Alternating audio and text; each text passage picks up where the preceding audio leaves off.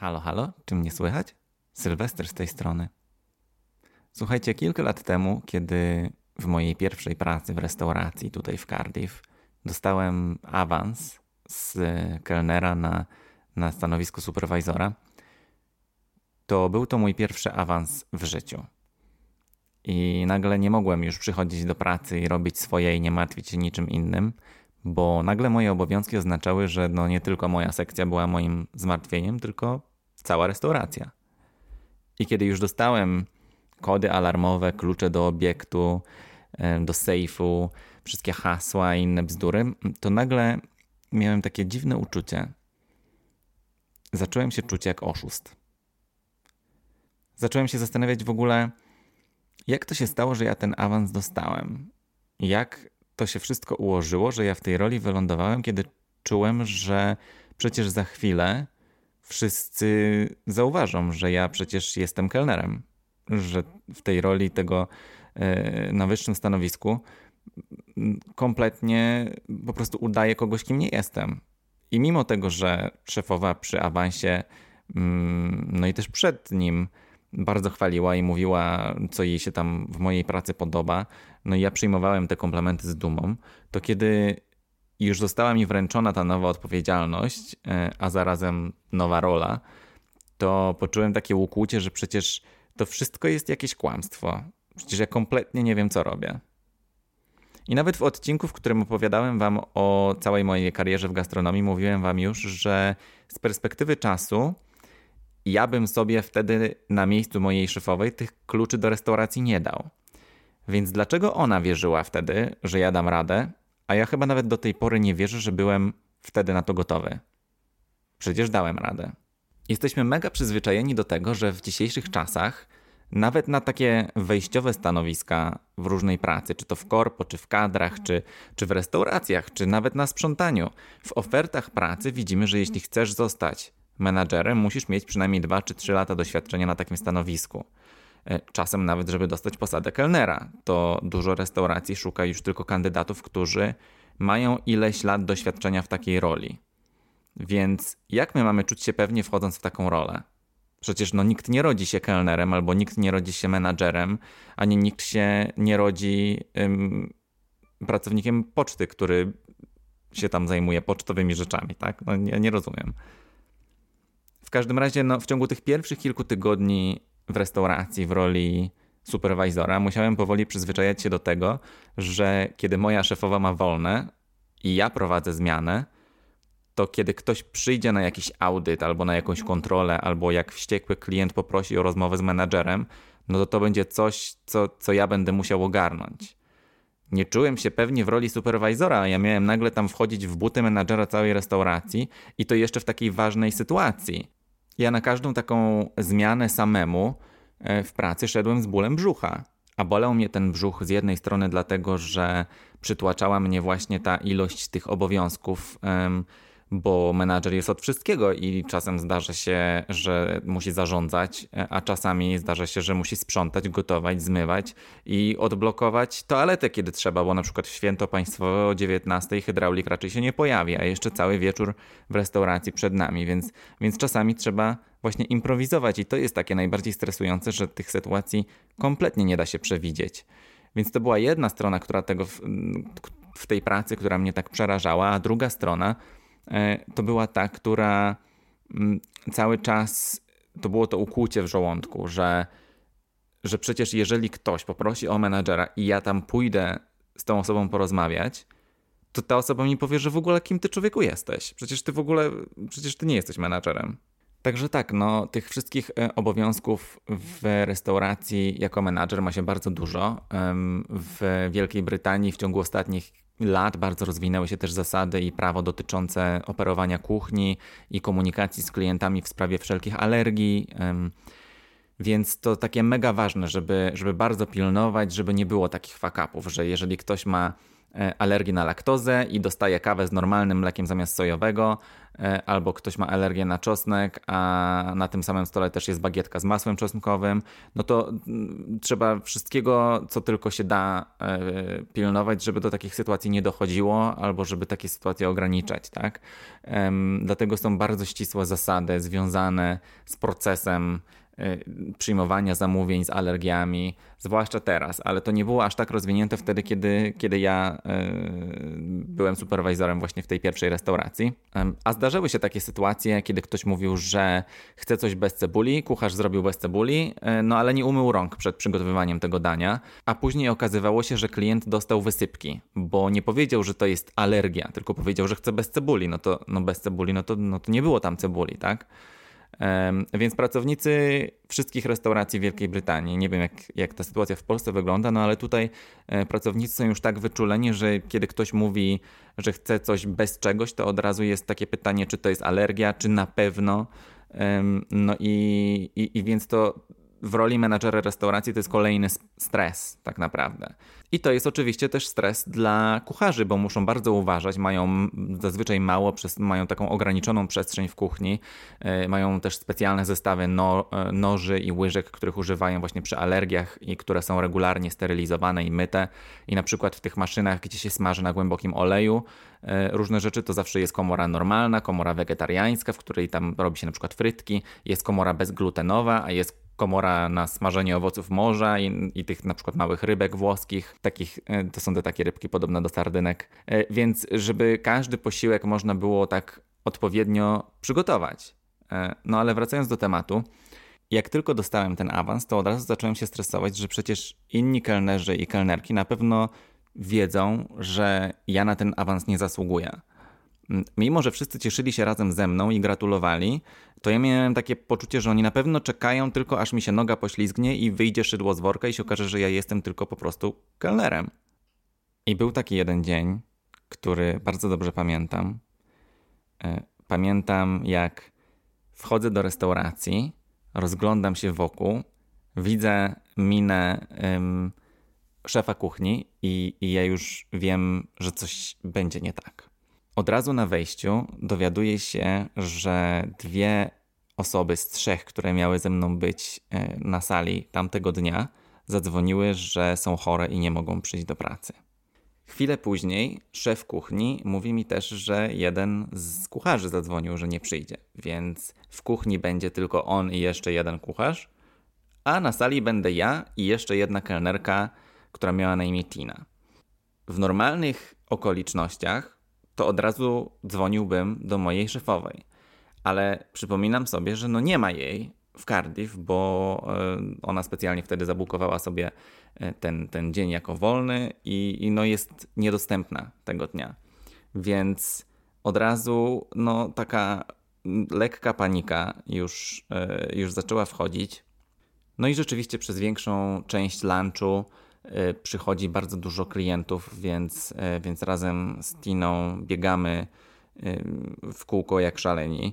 Ale jest to jeszcze w pewnym stopniu do ogarnięcia, mm, więc, więc nie ma takiej tragedii. Tam koło, koło 15 większość, większość klientów wychodzi, więc mamy czas, żeby szybko coś zjeść. I szykujemy się tak około w pół do piątej na to, na to wieczorne uderzenie ustawiamy w całej restauracji kieliszki do wina. E, przy każdym siedzeniu zapalamy świeczki na każdym stoliku. E, troszeczkę, mm, jak, jak to powiedzieć, przyciszamy światła, żeby były takie, e, żeby była fajna atmosfera. Trochę podgłaśniam muzykę, żeby, żeby, było, żeby było przyjemnie. I razem z Tiną trzymamy kciuki, żeby, żeby nie było tak źle. No i przychodzi wreszcie ten wieczór, y, jest już po piątej i zaczynają pojawiać się goście. Coraz więcej i coraz szybciej. I dochodzi do takiego momentu, w którym razem z Tiną robimy po połowie restauracji, a jednocześnie ja robię na barze drinki dla wszystkich gości, a Tina biega z jedzeniem e, z wydawki e, też na całą restaurację. No i nasz cel jest jeden: dotrwać do 22, kiedy będziemy mogli zamknąć drzwi od restauracji. No i robota cały czas idzie tak, jest ciężko, ale dajemy radę, chociaż zauważamy, że powoli zaczynamy jakby tak, ta robota coraz bardziej nas zaczyna doganiać. Dochodzi do momentu, w którym, w którym ten dzwonek na wydawcę y, od strony kucharzy zaczyna dzwonić coraz szybciej i coraz głośniej, a ja na barze mam coraz więcej tiketów do zrobienia i nie nadążam z nimi, a w dalszym ciągu próbują się dostać do nas goście do, do restauracji. Wchodzą do środka i czekają, aż ktoś, ktoś, czyli ja, y, podejdzie do nich i pokaże im, gdzie mogą usiąść. Ja już wiem, że to jest ten moment, w którym ja muszę zatrzymać drzwi co oznacza, że nie mogę wpuścić więcej gości do restauracji, bo, bo to wszystko mm, po prostu nie, nie, nie, damy rady, już nie dajemy rady, a, a, a, a każdy kolejny gość, który przechodzi przez drzwi, yy, pomniejsza nasze szanse tego, że, że wyjdziemy z restauracji yy, wieczorem z czystym sumieniem. Jako że bez pozwolenia mojej szefowej nie jestem w stanie tak bezpośrednio powiedzieć, że nie wpuszczamy więcej gości, e, nie mam, nie mam, takiej, e, nie mam takiej możliwości, to decyduję, że e, wydłużę czas oczekiwania na stolik dla gości bez rezerwacji, więc każdy, kto wchodzi, mówię, mówię klientom, że no niestety czas oczekiwania na jedzenie po zamówieniu to aktualnie jest godzina czasu, e, no bo, no bo przecież jeżeli ktoś jest głodny, to, no to kto normalny będzie czekał tyle czasu. No okazało się, że prawie wszyscy, więc, e, więc zaś kolejnych kilka, e, kilkanaście osób weszło do restauracji, mimo tego, że powiedziałem im, że będą musieli czekać przez godzinę na obsługę, w sensie na jedzenie po zamówieniu. No i w końcu musiałem przedłużyć ten czas oczekiwania do dwóch godzin, żeby zniechęcić kolejnych potencjalnych klientów. Już i tak wyrobiliśmy tyle pieniędzy, ile tam mieliśmy przykazane y, od centrali, że, że miało być zrobione tego dnia, więc, więc to aż tak mnie y, nie bolało, ale, y, no, ale wreszcie udało mi się dotrzeć do takiego momentu, w którym tych klientów nie przybywało, więc to już był sukces. No i dalej było jak w takim młynie. Na barze ciągle były te etykiety z drinkami do zrobienia. Y, jedzenie czekało na wydawcę, kucharze dzwonili dzwonkiem, a ja się przez cały czas modliłem, żeby tylko Nina nie poddała się w pewnym momencie, bo, bo po prostu stoję za tym barem, patrzę i, i, widzę, że jest zamotana. I mi w tej sytuacji też zdarzył się w przeszłości taki breakdown, o czym słyszeliście e, w odcinku Gastronomiczna Trylogia. E, więc to taki moment, kiedy naprawdę jedyne, czego ja chcę, to żeby wszyscy już zjedli, zapłacili i wyszli. Bo jest naprawdę gęsta atmosfera w restauracji, że po prostu można by ją kroić nożem. I, i nawet ta głośna muzyka i atmosfera, którą robią świeczki, no nie, nie pomaga aż tak bardzo. No i w pewnym momencie, e, w tym wielkim zamieszaniu, Tina mówi mi, że chłopiec na stoliku 47 ma alergię na orzeszki ziemne. No to więc zgodnie z procedurami wrzucam tą alergię na kasę tak jak, tak jak się powinno. Ticket drukuje się w kuchni, ja tam idę do kuchni i rozmawiam e, z kucharzem, mówię, że no jest alergia, pamiętajcie, żeby tam wszystko było przygotowane sterylnie, wszystko git. No i później jedzenie idzie na ten stolik, mija kilka minut, i pojawia się Tina, znowu taka lekko zdezorientowana, kiedy ja tam stoję i robię drinki za barem dla kolejnych stolików. I, I Tina mówi do mnie, że stolik 47 chce rozmawiać z menadżerem. Ja się pytam, czy powiedzieli jej, co jest nie tak. E, a ona mówi, że nie, że nie chcieli z nią w ogóle rozmawiać i powiedzieć w ogóle o co chodzi, e, ale że tak stanowczo mm, ta mama mm, tego chłopca powiedziała, że ona chce rozmawiać z menadżerem. No i trochę mnie to tak zaniepokoiło. Mm, trochę mnie to zbiło z pantałyku, no bo zazwyczaj to jest tak, że jak jest jakiś problem, no to mówi się kelnerowi przecież cokolwiek, a tutaj jakaś tajemnica w ogóle, nie, wi nie wiadomo o co chodzi. No więc idę do tego stolika, no i mówię, że, że, że koleżanka powiedziała, że, że, że mnie potrzebujecie i, i w czym mogę pomóc. No a klientka, która, która jest właśnie mamą tego, tego chłopca z alergią na orzeszki ziemne, mówi do mnie, że znaleźli coś w jedzeniu tego chłopca. I od razu mi po prostu serce do gardła podskoczyło.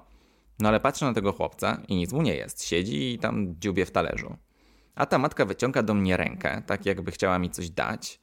Więc no ja też tak odruchowo wyciągam rękę w jej stronę, tak otwartą dłoń. I ona spuszcza mi na dłoń coś małego. I zbliżam to tak powoli do, do swojej twarzy. Patrzę się. A to jest głowa małej sardynki usmażona na głębokim oleju. A ta klientka mówi do mnie: To było we frytkach mojego syna. A ja w głowie sobie myślę, że mm, tak, tego syna, który ma alergię na orzeszki ziemne. Jasne, byłoby gorzej, gdyby to były orzeszki ziemne niż ym, głowa sardynki, ale kucharz musiał przygotować frytki nie w tej komorze co trzeba, a ten kawałek sardynki musiał tam się wplątać po poprzednim smażeniu. Także no tragiczny zbieg okoliczności, ale jednocześnie też zero profesjonalizmu, wstyd, siara. No i tak od razu widać, że to jedzenie nie było przygotowane z taką uwagą, z jaką powinno być przygotowywane jedzenie dla chłopca, który ma alergię na orzeszki ziemne. W ogóle żadne jedzenie nie powinno być tak, e, tak przygotowywane, tak? No ale wiadomo, zdarza się. Błędy się zdarzają, każdemu, każdy z nas jest człowiekiem, każdy może się pomylić. Więc było to bardzo niefortunne. No i chwilę po rozwiązaniu tej sytuacji, kiedy już e, widzę kątem oka, że Tina już ledwo daje radę, bo podczas gdy ja zajmuję się klientami od tej sardynkowej głowy, ona musi sama sobie radzić ze wszystkim. No i próbuję już tam zacząć pomagać, yy, pomagać trochę na sali i nagle kolejny stolik mnie, mnie woła. I, i, I klientka, od której bardzo mocno było czuć alkohol, łapie mnie za rękaw i mówi mi, że ona przychodzi tutaj od lat, nigdy mnie tutaj nie widziała, kim ja w ogóle jestem i ona nie poznaje tutaj nikogo, kto dzisiaj tutaj pracuje. A tak w ogóle to chciała mi powiedzieć, że jest beznadziejna atmosfera, jedzenie było niedobre i ona więcej tu nie przyjdzie. No, to bardzo mi przykro. Mm, co było nie tak? No właściwie to nic, tylko tak ogólnie. No to tak ogólnie życzę miłej reszty wieczoru. Kiedy ostatni klienci wychodzą, a ja zamykam na klucz drzwi od restauracji, razem z Tiną rozglądamy się po sali i bez kitu ani jeden stolik nie jest czysty i nakryty. Jesteśmy we dwójkę już tak upoceni i zmordowani i sfrustrowani, że nawet nie wiemy za co się zabrać. I w tym momencie Tina patrzy na mnie i mówi do mnie: Gdyby ciebie tutaj nie było dzisiaj, to bym wyszła i już bym nie wróciła. A po chwili z kuchni wychodzi szef kuchni i patrzy na mnie z takim lekkim uśmiechem i mówi: No, to było mocne. Cały ten dzień nie skończył się tak naprawdę żadnym dramatem. Więc dla mnie równało się to z sukcesem, bo miałem wrażenie, że mieliśmy przez cały dzień pod górkę i no ten, ten cel był taki, żeby przetrwać. I udało się. Kolejne trzy godziny spędziliśmy sprzątając z Tiną całą salę, polerowaliśmy szkło, sztućce, a na koniec um, usiedliśmy właśnie z Tiną e, na ogródku razem z kucharzami i wypiliśmy po pracowniczym piwku, no bo należało jakoś, e, jakoś świętować to, że, że się udało i że przeżyliśmy. Bo ten dzień to był taki trochę chrzest ognia dla, dla chyba nas wszystkich. A ja przez cały ten dzień kompletnie nie miałem czasu, żeby zastanawiać się, czy ktoś myśli, że ja tam powinienem być, czy nie powinno mnie tam być, czy powinienem być kelnerem, superwizorem, czy menadżerem, tylko myślałem zupełnie o czymś innym. Ale kilka lat później, a dokładniej na początku tego roku, po długim czasie nauki i to samodzielnej nauki, dostałem pracę jako programista. Mm, I zacząłem nową profesję od zera i znów to poczułem, to, to okropne uczucie.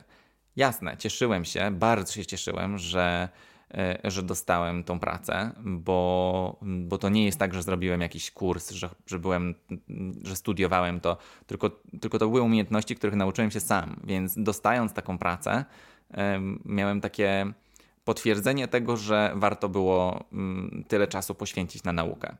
I mimo tego, że się tak strasznie cieszyłem, to idąc do tej pracy, czułem się, że o mój Boże, zaraz ktoś mnie po prostu zdemaskuje. Ja tam pójdę i oni wszyscy będą wiedzieć, że ja nie jestem programistą, tylko przecież kelnerem.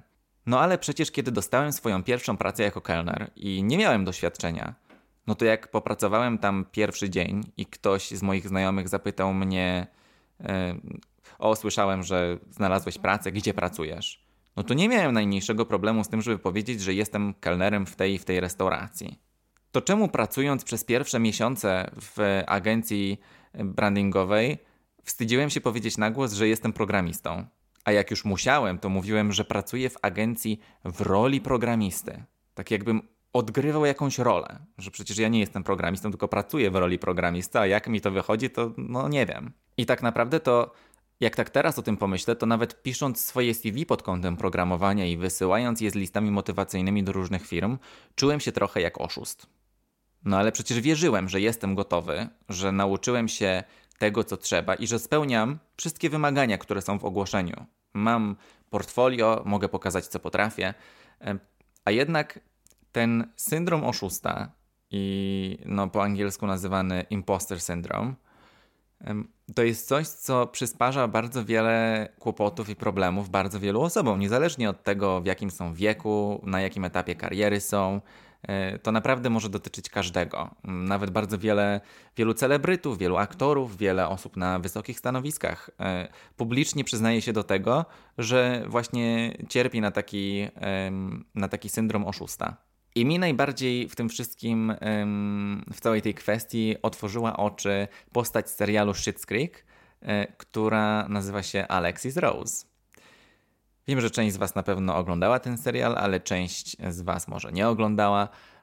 Ale powiem Wam bardzo pokrótce, że chodzi tam o taką scenę, w której Alexis odwozi swojego brata Davida na test prawa jazdy. I on się tym bardzo stresuje. Stresuje się tym, że y, gość, który będzie go testował, e, ten instruktor, na pewno będzie się wszystkiego czepiał, na pewno, na pewno to nie pójdzie tak gładko, tak? I ona mu wtedy mówi, że, że żeby się uspokoił, że, że on generalnie przejmuje się za bardzo. I wtedy on zaczyna krzyczeć na swoją siostrę i mówi jej, że, e, że ty w ogóle nie wiesz o czym mówisz, bo tobie jest przez całe życie łatwo, na nic nie musisz pracować i wszystko masz podane na tacy. I to bardzo frustruje Alexis i ona mówi mu wtedy, że literally no one cares. Czyli nikogo kompletnie to nie obchodzi. W tym kontekście, że czy ty dostaniesz to prawo jazdy, czy, czy nie. I ona mu tłumaczy w tym momencie, że ona mu gwarantuje, że gościu, który jest instruktorem tego prawa jazdy, nie ma żadnego interesu w tym, żeby mu udowodnić, że on nie potrafi jeździć. I że naprawdę ma większe zmartwienia niż E, kolejny klient na liście, który nie będzie w żadnym, w żadnym stopniu celem dla niego, jakimś targetem, że koniecznie musi go oblać. I pamiętam, jak obejrzałem ten odcinek i tą scenę, i, i poczułem się tak, że Boże, jaka to jest w ogóle prawda. To jest dokładnie to, przez co ja przechodzę i przez co tak wiele osób przechodzi, kiedy wydaje nam się, że wszyscy wokół uważają, że my jesteśmy kimś gorszym niż naprawdę jesteśmy, że się nie nadajemy do czegoś, co robimy. Mimo tego, że my w 100% mamy pewność, że nasze umiejętności są prawidłowe, odpowiednie i są na wysokim poziomie i jesteśmy w stanie robić robotę, którą mamy robić, to mimo wszystko tak bardzo przejmujemy się tym, że ktoś inny tak nie uważa. No przecież to jest w ogóle jakieś absurdalne. Czemu my sobie tak bardzo utrudniamy życie? No i mam wrażenie, że tamten moment, jak obejrzałem ten serial, w ogóle to jest, nie wiem, trochę żenujące chyba, że ja się z serialu dopiero nauczyłem takiej lekcji. No ale wiadomo, no, czasami się uczysz rzeczy z książek, czasami się uczysz z telewizji. No, no, no tak się stało. No i rzeczywiście od tamtej pory, za każdym razem jak łapię się na tym, że się stresuje czymś albo stresuje się, nie wiem, nawet powiedzieć coś publicznie, czy pośród znajomych, czy w, po, pośród współpracowników, to mam takie, że Literally nobody cares. Nikogo to nie obchodzi. Nikt nie będzie mnie oceniał. No chyba, że rzeczywiście powiem coś takiego mega głupiego, no ale nie ma, nie ma co samemu sobie podcinać skrzydeł. To jest w ogóle o co chodzi. Także no, dajcie mi znać. Czy też macie takie, yy, takie problemy, a może zupełnie nie macie takich problemów i nigdy takich problemów nie mieliście i w ogóle to, co wam opowiadam w tym odcinku, to jest w ogóle jak, też, też jakaś, jakaś taka dziwna rzecz, której, yy, której nie ogarniacie, bo nigdy nie mieliście takiego problemu. Jestem bardzo ciekawy, jakie macie historie właśnie z pracy czy ze szkoły, bo, bo to i w szkole, i w pracy, i na studiach, wszędzie tak, nawet pośród znajomych można mieć taki imposter syndrom. No tak jak, tak jak nawet ja znajomym, jak się pytają, gdzie teraz pracuję i na początku było mi tak głupio, żeby mówić, że no jestem programistą. No ale bez kitu, no, no mam taką pracę, tak? Jak byłem kelnerem, to mówiłem, że jestem kelnerem. Bez sensu. Mm, No, także, e, także ja w dalszym ciągu muszę nad tym pracować i będę nad tym pracować, e, ale stwierdziłem, że to jest e, taki ciekawy temat, o którym, o którym mogę Wam opowiedzieć w tym odcinku. Mam nadzieję, że Wam się podobało. Dziękuję Wam bardzo za słuchanie i pozdrawiam wszystkich bardzo serdecznie z Cardiff i do usłyszenia w następnym odcinku.